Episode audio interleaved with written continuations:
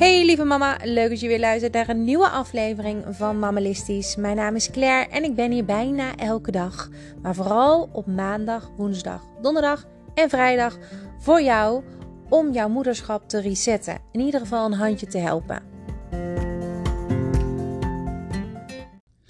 We gaan ons goed voorbereiden op Sinterklaas, dus we zijn deze week aan het ontspullen op de kinderkamer. En dat is niet makkelijk en daar weet ik alles van en ik heb je daar al heel wat over verteld.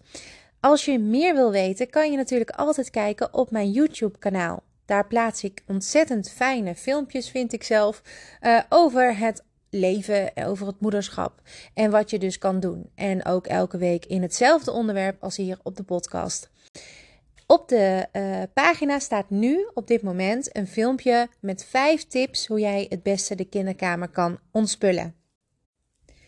En hier op de podcast wil ik er echt wel wat anders mee doen. Ik beloof jou namelijk elke donderdag hier langs te komen met wat feitjes over het ontspullen en wat dat nou eigenlijk met jou doet. Nou, dat doe ik niet elke donderdag. Volgende week hebben we natuurlijk weer ergens anders over. Maar deze donderdag gaat het over de feitjes van het ontspullen. En ik wil je eerst vertellen wat opruimen überhaupt met je doet en met je brein. Wat het het allereerst doet, is dat het een soort van rust creëert om je heen. Stel je bent ontzettend hectisch en het is ook nog eens een rommel thuis. Nou, no way dat jij lekker op de bank kan ploffen. Want in je hoofd wil je dat allemaal opruimen, uh, laadjes dicht doen, spullen weghalen. De vloer moet worden gedweld en geschropt, misschien wel in je hoofd. Weet ik veel wat je allemaal in je hoofd ook haalt. Maar altijd als je het heel druk hebt, dan denk je: oh nee, en dat moet ook nog, en dat moet ook nog. En daar word je alleen maar meer gestrest ervan. Dat is niet goed voor je. Dus als je opruimt en je doet dat regelmatig en je hebt er ook echt een planning voor. En je zorgt dat het thuis gewoon een beetje allemaal op zijn plek ligt. Het hoeft niet altijd spik en span te zijn. Is het bij mij ook absoluut niet. Uh, Even gewoon voor jouw informatie. Wij zijn een heel creatief gezin, dus je kan je voorstellen wat er heel veel aan spullen in mijn huis overal ligt. En dat vind ik ook helemaal niet erg. Maar opruimen zorgt dus voor een stukje rust. Want als je dus een drukke dag hebt en je komt thuis en je hebt het nog steeds heel druk, dan kan je jezelf heel erg dwingen om te gaan zitten tussen die spullen. Maar dan is het beter om eerst even op te ruimen en dan te gaan zitten. Nou, liever nog kom je in een opgeruimd huis thuis, want dan kan je gelijk je kopje thee maken en even op de bank een filmpje kijken als je daar behoefte aan hebt. Je krijgt er dus eigenlijk ook meer tijd door. Dat is al heel erg fijn. Het andere ding wat het doet, en dat is echt wat ik je wil meegeven, omdat dit dus invloed heeft op de kinderkamer en op je kind, is dat je door het opruimen meer waardering krijgt voor wat je eigenlijk hebt. Opruimen geeft jouw kind dus eigenlijk ook mee wat de waarde is van spullen. En ze gaan hun spulletjes beter waarderen en meer waarderen.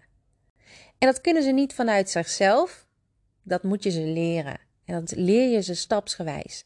En heb je dat nog nooit gedaan, omdat je altijd even zelf alles hebt opgeruimd, dan is dit een hele mooie kans voor jou. Ook al is je kind al 13 jaar of uh, eh, 12 of 9 of wat dan ook.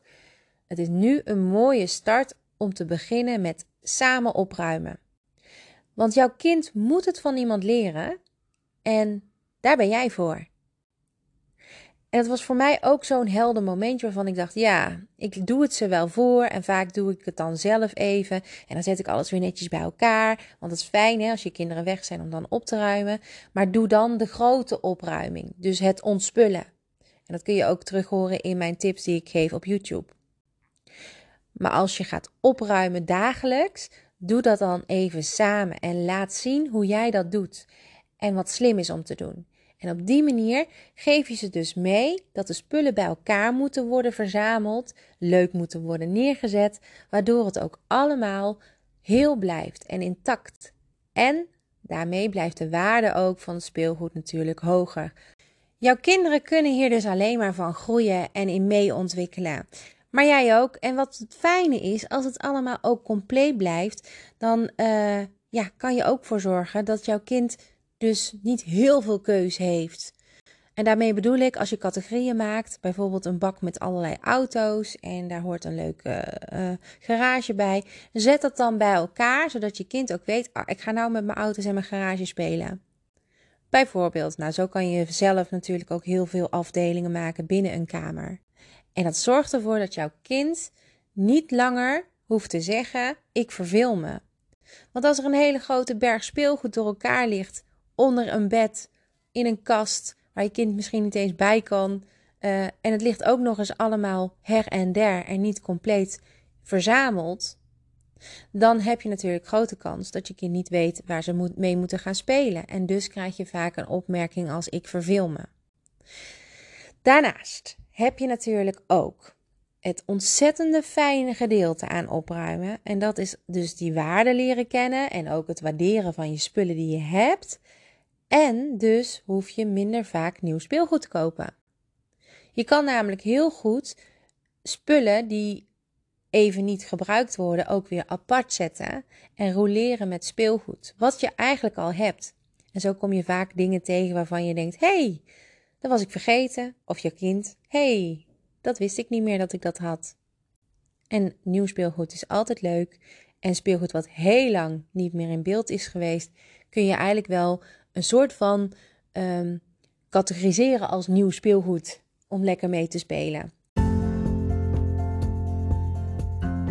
Morgen ben ik er weer. Dan gaan we samen lekker wandelen. Heb ik heel veel zin in. Want volgens mij uh, kan het allemaal wel met het weer. Buiten ook.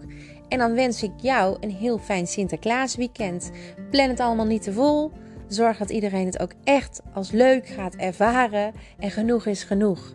Dat is iets wat ik altijd in mijn hoofd heb als, uh, als er drukte aankomt. Genoeg is genoeg. Je mag ook nee zeggen. Tot morgen. Doeg!